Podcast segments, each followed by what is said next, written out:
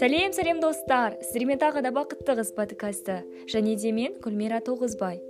Мен бүгін сіздерге кешірім берудің пайдасы жайлы және де не үшін адамдар кешірім сұрау керек? Осы жайлы көптеген қызықты ақпараттармен бөлісетін боламын. Ә, жалпы бұл подкаст арқылы мен сіздерге айтқандай шабыт сыйлағым келеді және де сіздердің бір керемет жан болғандарыңызды қалаймын. Жалпы қазақтар негізі бұрыннан өте бір сыпайы тәрбиелі халық болып келген және де олар ешқашан да кешірім сұраудан және де өз қатесін мойындаудан қорықпаған. Бірақ қазіргі таңда менің байқауым бойынша жастардың көп бөлігі кешірім сұраудан ұялады. Немесе өзінің қатесін мойындағысы келмейді және де сол үшін кешірім сұрамайды. Дегенмен де ең алдымен адам ең бірінші кезекте ол кешіре алу керек деп ойлаймын. Өйткені мысалға біздің өмірімізде түрлі жағдайлар орын алады. Және де бізге басқа адамдардың жасаған іс әрекеттері ұнамай қалуы мүмкін. Біз ол, сол кезде барып оларға ренжіп қаламыз. Ал олар біздің ренжігенімізді біле алмай жүреді а, біз болса оларды кешіре алмай солайша біз олармен дұшпанға айналып кетуіміз мүмкін. Сол үшін де адам кешіре білу керек деп ойлаймын. Және де мойынсұна білу керек. Егер де сіз өз қатеңізді мойындап соған мойынсынып бір адамды кешіре алмайтын болсаңыз сізде кек деген нәрсе пайда болады. Ал кек, кек деген дүние ол сізді ешқашан да бақытты етпейді. Менің ойымша осы үшін де сіз кешірімді адам болуыңыз керек. Жалпы кешір мысалға кешір деген сөзді алатын болсақ кеш деген түбірін алайық иә? Кеш яғни барлық нәрседен кеш барлық нәрсені ұмыт деген мағынада айтылған деп ойлаймын. Және де кеш ір деп тұр. Яғни менің ойымша кір яғни лас заттарды біз солай біздің жүрегімізде сақтап қаламыз да. Жүрек деген ол өте бір нәзік дүние өте бір таза дүние. Және де біз сол дүниеге әртүрлі кір лас заттарды жинай беру арқылы ол жерде біз кекті пайда яғни кекті жасап аламыз. Ол кек сосын біздің жүрегімізді ластауы мүмкін. Және де бір күн емес бір күні мысалы бізді ренжіткен адамға қарай ол шабуыл жасауы да мүмкін. Сол үшін де достар ешқашан да кек сақтамаңыздар. Әрдайым кешірімді болуға тырысыңыздар. Себебі кешірімді болған адамды алланың өзі де жақсы көреді. Мысалы біз күнделікті өмірде болсын байқамай түрлі сөздерді айтып қоямыз немесе бір дүниелерді яғни біліп тұрсақ та сол нәрсені қате жасап қоямыз. Сондай кездердің өзінде де бізді жоғарыда тұрған жан ол бізді кешіреді. Яғни біз қандай күнә жасап қойсақ та оны біз кейіннен одан кешірім сұрап барып жалбарынып сұрап яғни одан күнәмізді жууға тырысқан кезде ол бізді міндетті түрде кешіреді. Ал сонда бізді сондай адам кешіріп тұрған кезде неге адамдар бір бірін кешіре алмауы керек? Менің ойымша адамдар да кешіре алады. Дегенмен оған уақыт керек. Ә, мысалға қазір мен сіздерге бір ақылды жан секілді болып көрініп жатқан шығармын. Мен мысалы ешкімге ренжімейтін жан болып көрініп жатқан шығармын. Бірақ мен де ренжимін. Яғни қыз болған соң жүрегім нәзік болған соң ә, көп ренжіп жатамын. Бірақтан да соңғы уақытта ол реніштің барлығының жай ғана бір сылтау екендігін түсіндім. Егер де сіз мысалға бір адамға ренжігіңіз келсе оған мың түрлі себеп табуға болады. Ал егер де сіз оған ренжімеуді қалайтын болсаңыз оған да сіз мың түрлі себеп таба аласыз. Яғни барлығы да сіздің өз, өз қолыңызда. Мен бұдан алдында айтам барлығы сіздің өз қолыңызда сіздің жүрегіңізде деп. Яғни сіз мысалға бір адамды кешіргіңіз келсе оны міндетті түрде кешіресіз. Оған ешкім де кедергі бола алмайды. Жалпы мен ә, бір кітапта ма немесе бір жерден ба оқып қалдым. Бұрында бір ағасы мен інісі болған екен. Жалпы олар әйтеуір бір нәрсеге ренжісіп қалады. Енді достар немесе туыстардың арасында да әйтеуір түрлі нәрселерге ренжісіп қалып жатамыз ғой. Сол кезде барып ағасы ә, інісі яғни інісі ағасын ренжітіп қойған. Бірақ ағасы енді одан інісінен барып кешірім сұрайын деп ойлаған бірақ сұрамаған.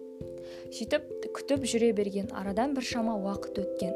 Сөйтіп бір күні оған інісі келіп кешірім сұраған. Аға мені кешіріңіз мен сол кезде дұрыс жасаған жоқпын деп. Сосын ағасы айтады иә мен сенің сол кезде дұрыс жасағаныңды яғни ә, жасамағаныңды білемін дегенмен мен де яғни қателік жасадым мен де саған дөрекілік таныттым деп айтқан екен. Сонда інісі неге онда сіз өз қателігіңізді мойындасаңыз да менен яғни менен неге келіп кешірім сұрамадыңыз? деп сұраған сұраған кезде айтқан екен яғни егер де кімде кім ренжітіп алып бірінші болып сол адамнан кешірім сұрайтын болса оған сауап жазылады. Яғни сол сауапқа мен сенің ие болғаныңды қаладым сол үшін де мен сенің кешірім сұрағаныңды күттім деп жауап берген екен. Яғни мысалға сізде егер де бір адамды ренжітіп қойсаңыз алғашында күтіңіз ол сізден кешірім сұрайды ма немесе сұрамайды ма? Ал егер де өзі сұрамай жататын болса сіз өзіңіз барып сол адамнан кешірім сұраңыз.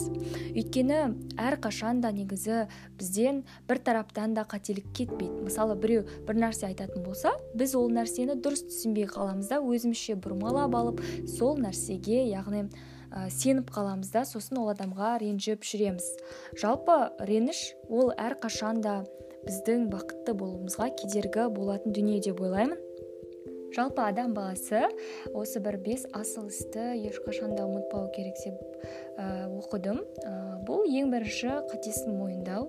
Яғни кез келген адам қателік жібереді және де ол қатесін мойындаудан ә, аулақ яғни қатесін мойындау керек үнемі. Және де сонда қатесін мойындаған кезде ғана ол ә, дұрыс нәрсеге жете алады. Егер де біз қатемізді мойындамайтын болсақ бізде ешқандай да даму болмайды. Біз өзіміздікін дұрыс деп жүре береміз. Ә, біздің оқығанымыз тоғыз болса білмейтініміз тоқсан тоғыз деп жатады ғой. Мысалы біз сол қатемізді мойындау арқылы өзіміздің білмейтіндігімізді мойындау арқылы ә, біз қалған заттарды да біле аламыз. Екіншісі яғни жасаған іс әрекетімізге өкінбеу. Яғни біз жаңа айтқанымдай егер де сіз сіз кешірімшіл адам болмайтын болсаңыз онда сіз жасаған әрекетіңізге өкінбейсіз. Сондықтан да кешірім сұрау керек емес деп санайсыз. Дегенмен де сіздің әрдайым кешірім сұрауыңыз керек. Өйткені сізден де қателік кетеді. Екі жақтың да қателігінің нәтижесінде менің ойымша ә, реніш дау пайда болады. Үшінші кезекте ол нәпсімен күрес. Яғни сіз әрқашан да нәпсіңізбен күресе білуіңіз керек. Біз мысалы көп жағдайда өзіміздің нәпсімізге ерік береміз де сосын аузымызға келген заттарды айтып жатамыз. Соның нәтижесінде бір адаммен ренжісіп қалатын болсақ кешірім сұрауға ұяламыз. Өйткені мен соншама зат айттым. Не үшін мен енді кешірім сұрауым керек? Менің де намысым бар ғой деп айтып жатамыз иә? Сол үшін де әрдайым нәпсімізді тыйып әр айтқан сөзімізге бір жауап бере алатындай адам болуымыз керек. Айтылған сөз атылған оқ деп жатады ғой. Яғни біздің айтылған сөзіміз ешқашан да қайтарып яғни алынбайды. Біз мысалы біреуден кешірім сұрасақ та ол біздің айтқан сөздеріміз оның жүрегінде қалып кетеді. Сөздер сүйектен өтеді. Яғни ол ешқашан да ұмытылмай сол жерде қалып кетуі мүмкін. Сол үшін де дұрыс сөйлеуге тырысыңыз. Төртінші дүние тәубеге келу. Ә, егер де сіз бір адамды мысалы ренжітіп алып сосын одан кешірім сұрайтын болсаңыз ә, немесе тағы басқа жағдайларда да біз ә, өзіміздің қатемізді мойындап тәубе яғни тәубеге келіп жатамыз. Біз тәубеге, тәубеге келгеннен кейін көп нәрсені түсінеміз. Яғни ол сабырдың арқасында келеді бізге. Ашу келген кезде ақыл кетеді деп жатады ғой. Яғни бізге кейін сабырлық келген кезде біз қайтадан барлығын еске алып өзіміздің іс әрекетіміздің дұрыс емес екендігін түсініп жатамыз. Сол үшін де әрдайым тәубеде болыңыз қылып жатқан ісіңізге мән беріңіз айтып жатқан сөзіңізге мұқият болыңыз. Бесінші кезекте бізде үмітін үзбеу. Яғни сіз ешқашан да үмітіңізді үзбеңіз. Мысалы біреумен ренжісіп қалдыңыз дейік тағы да. Сол кезде одан бірінші рет кешірім сұрадыңыз ол сізді кешірген жоқ. Мейлі кешірмей ақ қойсын оны сіз жамандамаңыз. Көбісі айтып жатады. Мен оны ренжіттім сосын артынан барып кешірім сұрап едім ол мені кешірген жоқ болды сонымен ол екінші рет кешірім сұрауға тырыспайды. Және де оның алдынан барып тағы да жақсы сөз сөйлеуге одан ұялады да оның сыртынан өсектеп жүретін болады. Сол үшін де әрдайым кешірім сұрай біліңіз. Бірінші рет кешірім сұраңыз екінші рет кешірім сұраңыз үшінші рет кешірім сұраңыз. Егер де ол сізді үшінші ретте де кешірмейтін болса жарайды болды деп қоя салыңыз. Ол туралы өзгелерге айтудың қажеті жоқ. Өйткені ол іс әрекетті сіз жасадыңыз ол күнәні сіз жасадыңыз және де сол досыңызды сіз ренжіттіңіз. Өзгелер ол туралы білмеуі керек. Және де осы ретте мысалы көбінесе адамдар арасында өсек жүреді. Сол өсектің арасын ә, яғни нәтижесінде де біз ренжісіп қалып жатамыз. Өсек дегеніміз ол бір адамның екінші бір адамға жеткізген әңгімесі.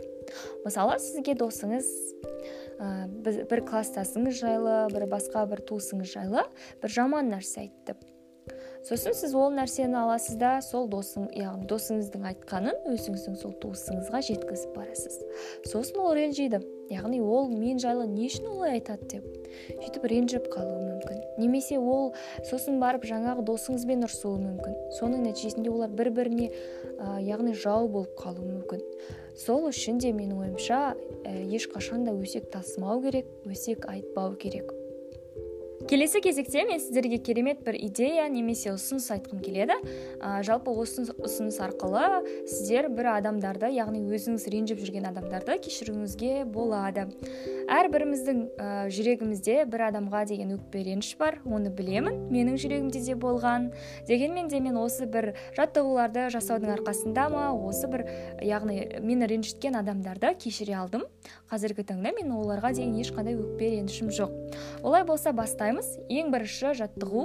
Ол сіз өкпе реніші бар адамдарды сіз ренжіп жүрген адамдарды қағазға жазасыз да аттарын жазасыз жасаған істерін жазасыз да шарик аласыз яғни шарды алып сол шардың ішіне саласыз. Сосын шарды үпіріп жіппен байлап оны аспанға ұшырып жіберіңіз. Яғни солайша сіз яғни ішіңіздегі жаңағы өкпе реніштің бәрін сол қаға яғни шардың ішіне салдым дейсіз де сонымен бірге оны аспанға ұшырып жібересіз. Сонымен бір жеңілдеп қалатын боласыз. Егер де сіз оны бірінші рет жасаған кезде жеңілдемейтін болсаңыз оны бірнеше рет қайталап жасап көріңіз.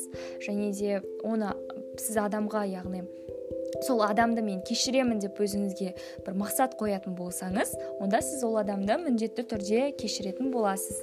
Екінші кезекте ол өкпе ренішіңізді жаңағыдай тағы қағазға жазасыз да сосын ағып жатқан су болады ғой өзен мысалға болады. Жоғарыдан төмен қарай ағып жатқан сондай өзендерге барып ағызып жібересіз сонымен сіздің өкпе ренішіңіз де ағып кетеді. Ал үшінші бұл жаңағы қағазды яғни өкпе реніш жазылған қағазды өрт яғни өртеп жібересіз сонда сіздің өкпе ренішіңіздің бәрі де өртеніп жоқ болып кетеді. Мен үнемі өкпешіл үнемі бір адамға ренжіп жүрген адамдарды бір ауыр бір тасты көтере алмай жүрген адамдар секілді қарастырамын.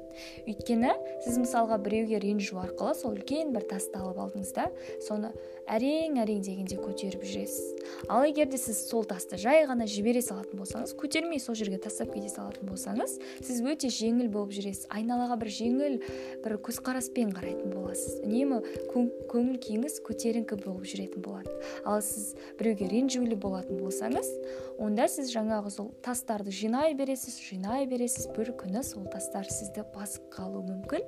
Сол үшін де досым әрқашан да адамдарды кешірімді яғни адамдарға кешірімді болуға тырысыңыз кешіре біліңіз. Сонда ғана сізді алла да кешіретін болады. Жалпы осы сіздермен бірге болған гүлмира тоғызбай бұл бақытты қыз подкасты. Кешірімді болыңыздар.